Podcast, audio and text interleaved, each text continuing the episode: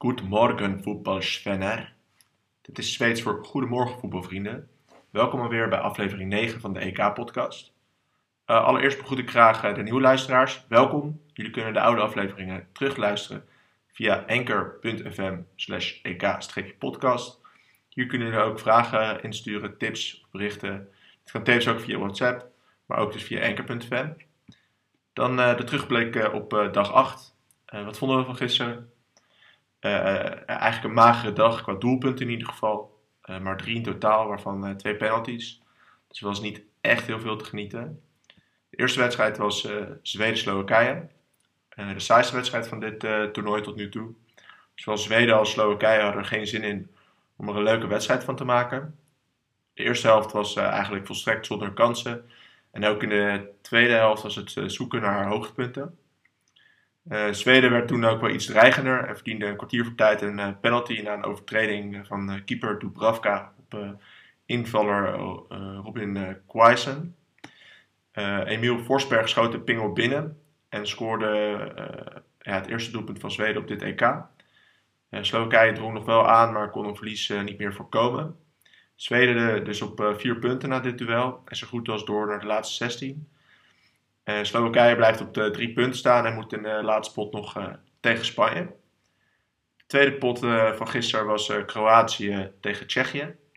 Na het verlies van de Kroaten tegen Engeland heeft Kroatië ook haar tweede wedstrijd tegen Tsjechië niet weten te winnen.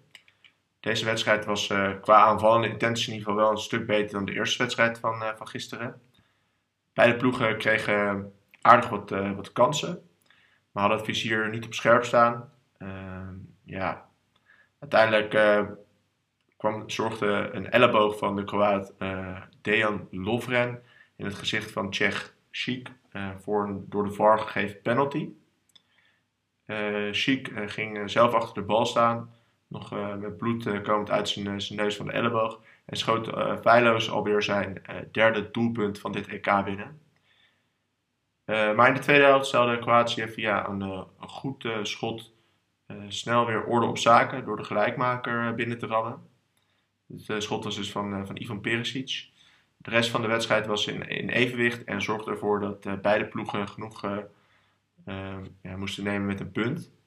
Tsjechië is ja, hierdoor met de vier punten waarschijnlijk wel door. Terwijl Kroatië met één punt pas nog aan de bak moet tegen de Schotten in de laatste wedstrijd van de pool. Dan de derde wedstrijd en ja, de laatste wedstrijd ook van, van gisteren. Engeland-Schotland. Ja, Battle of Britain. Engeland-Scotland. de Schotse supporters waren in grote getalen naar Londen afgereisd en lieten erg duidelijk van zich horen op Wembley mooi om te zien. Um, maar ja, zoals voorspeld, toch ook wel een zeer matige wedstrijd die af en toe meer op, op een rugbywedstrijd uh, leek dan op voetbal. Toch um, kwamen beide partijen nog een aantal keer gevaarlijk eh, voor de dag. En was het uiteindelijk John Stones met een vrije kopbal op de paal die het dichtst was, dichtbij een doelpunt was. Ja, uiteindelijk werd er dus niet gescoord en eindigde deze wedstrijd in een teleurstellende 0-0. En vielen de Engelsen toch wel weer tegen. Ehm, echter staan de Engelsen wel op vier punten na twee wedstrijden. En zijn ze dus zo goed als door. Uh, de Schotse, Schotten zijn ook van de nul punten af. Uh, met dit uh, gelijkspel. En die, rest nog een wedstrijd dus tegen Kroatië om een plek bij de laatste 16. gaan we even terugblikken op de poolvraag van vandaag. De vraag die ik vandaag wil behandelen is: Komt er een schandaal met Engelse voetballers die vreemd gaan tijdens de EK? als ik even kijk naar de statistieken, 62% van jullie verwacht van niet. Maar daartegenover voorspelt 38% van jullie dat er wel een uh, gereden gaat worden door een van de Free Lions.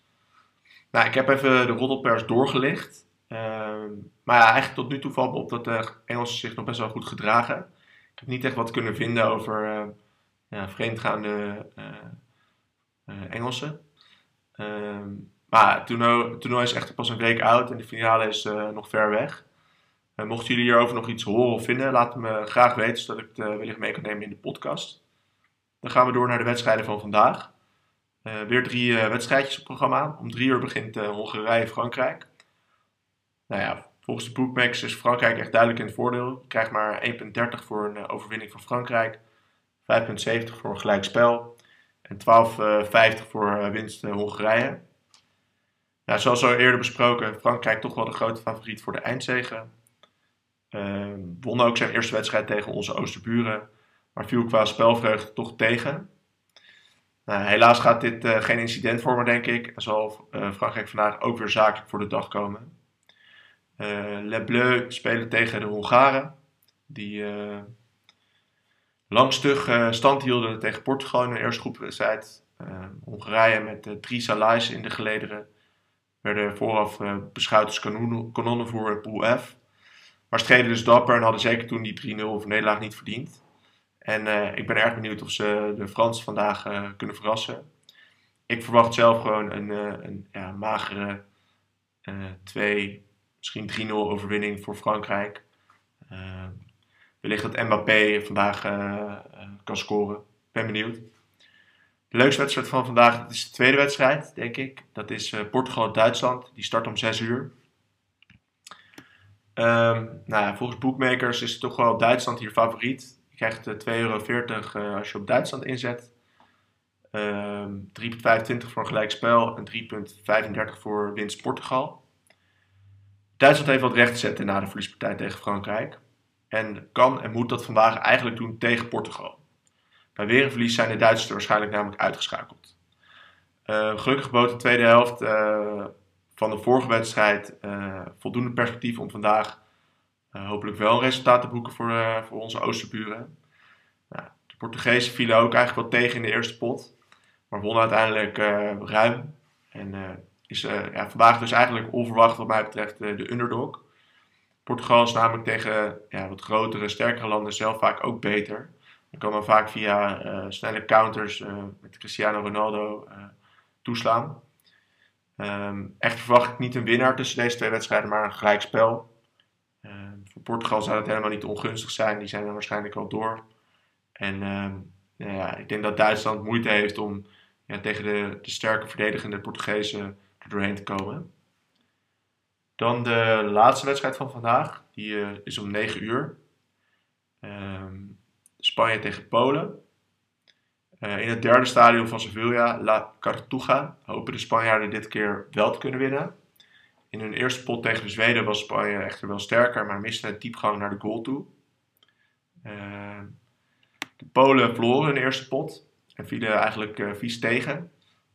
Lewandowski, toch wel ja, de beste voetballer van afgelopen seizoen, had het vizier niet op scherp staan en ook de rest van de ploeg maakte geen goede indruk. Mijn verwachting is dat Spanje vandaag met een van corona terug, terugkerende Busquets wel het doel weet te vinden. En Polen met een uh, 2-0 overwinning verslaat. Um, dan gaan we door naar de vragen van luisteraars.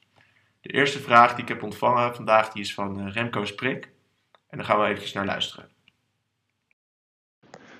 Hey Diet, leuk weer uh, om te luisteren naar die podcast. Um, ik had eigenlijk nog even een klein, uh, klein vraagje voor jou. We hebben gisteren natuurlijk naar, uh, naar België gekeken.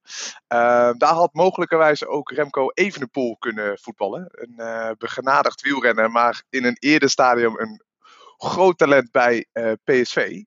Ik was eigenlijk benieuwd of er in de huidige EK-teams ook een speler zit die eerst eigenlijk een andere carrière heeft gehad. En nu in het voetbal ver heeft weten te schoppen.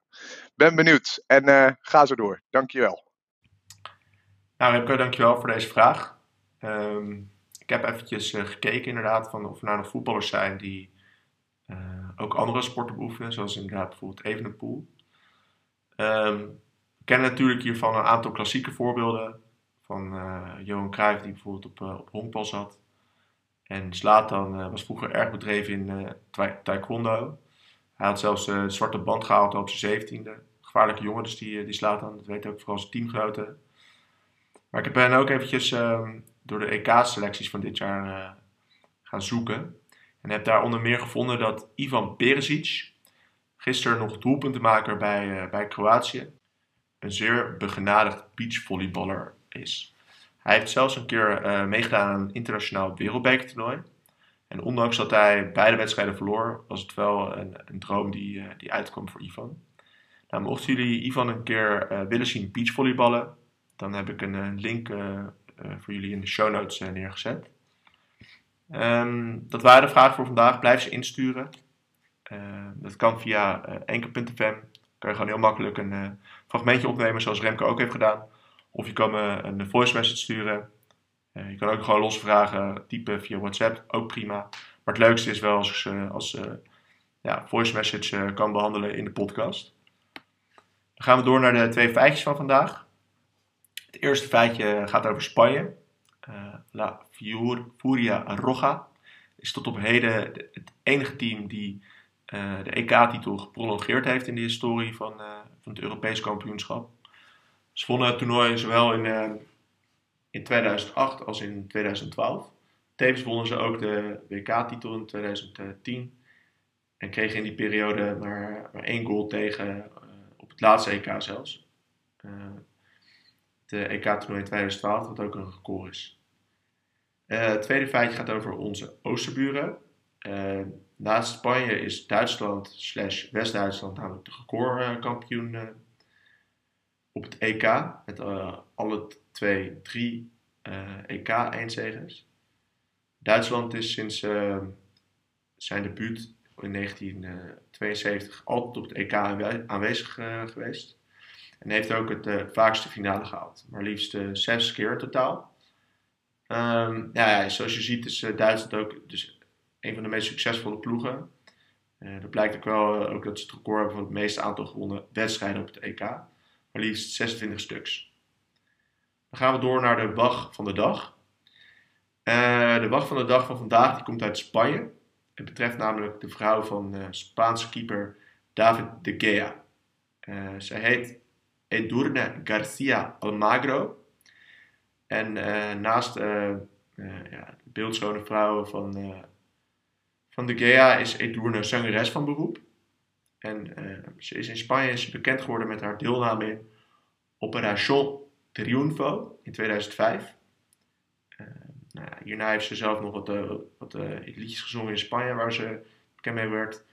Maar haar grote doorbraak in, in Europa en echt grote bekendheid voor ze toen ze in 2015 deelnam namens Spanje aan het Eurovisie Songfestival met haar liedje Amanacer. Um, helaas was uh, Edurne niet erg succesvol bij het Songfestival. Uh, ze eindigde namelijk uh, op een 21ste plek van de 27 deelnemers. Um, nou, mocht je nou haar Eurovisie-inzending eventjes willen zien, of sowieso even willen zien hoe zij eruit ziet, ik heb de YouTube-video van haar inzending en haar Instagram toegevoegd in de show notes. En dan sluiten we af met de tip van de dag. Ehm, als tip van de dag heb ik vandaag een voetbaldocumentaire meegenomen. Uh, de documentaire heet Voetbal oorlog. Het is een, uh, documentaire die op Tweedok staat en gaat over voetbalclub Achilles 29. Die als ja, succesvolle amateurclub uh, in de top de kans krijgt om de stap te maken van het amateurvoetbal naar het profvoetbal. Um, een erg mooie filmspoken docu. Met name ja, de mensen die geïnterviewd worden, de voorzitter en mensen die betrokken zijn bij, bij het team. leven erg mooie quotes. En je kan ook gewoon goed zien hoe erg voetbal leeft binnen het dorp daar. Um, ik heb de link naar de documentaire toegevoegd in de show notes. Um, mocht je willen zien, ja, wat mij betreft uh, zeker de moeite waard. Erg lachen om, uh, om een inkijkje te krijgen in ja, amateurvoetbalwereld. Um, de rest mij niets meer dan jullie een fijne voetbaldag, fijne voetbaldag vandaag toe te wensen. Geniet van deze drie wedstrijden. Laten we hopen op wat meer goals. En um, ja, misschien op wat verrassingen. Ik verwacht zelf het meeste dus van Portugal-Duitsland. Die begint om 6 uur. En um, ja, ik, ik, hoop dat jullie een lekker dagje hebben vandaag. Geniet van het mooie weer nog. En dan zie ik jullie morgen weer. Ciao.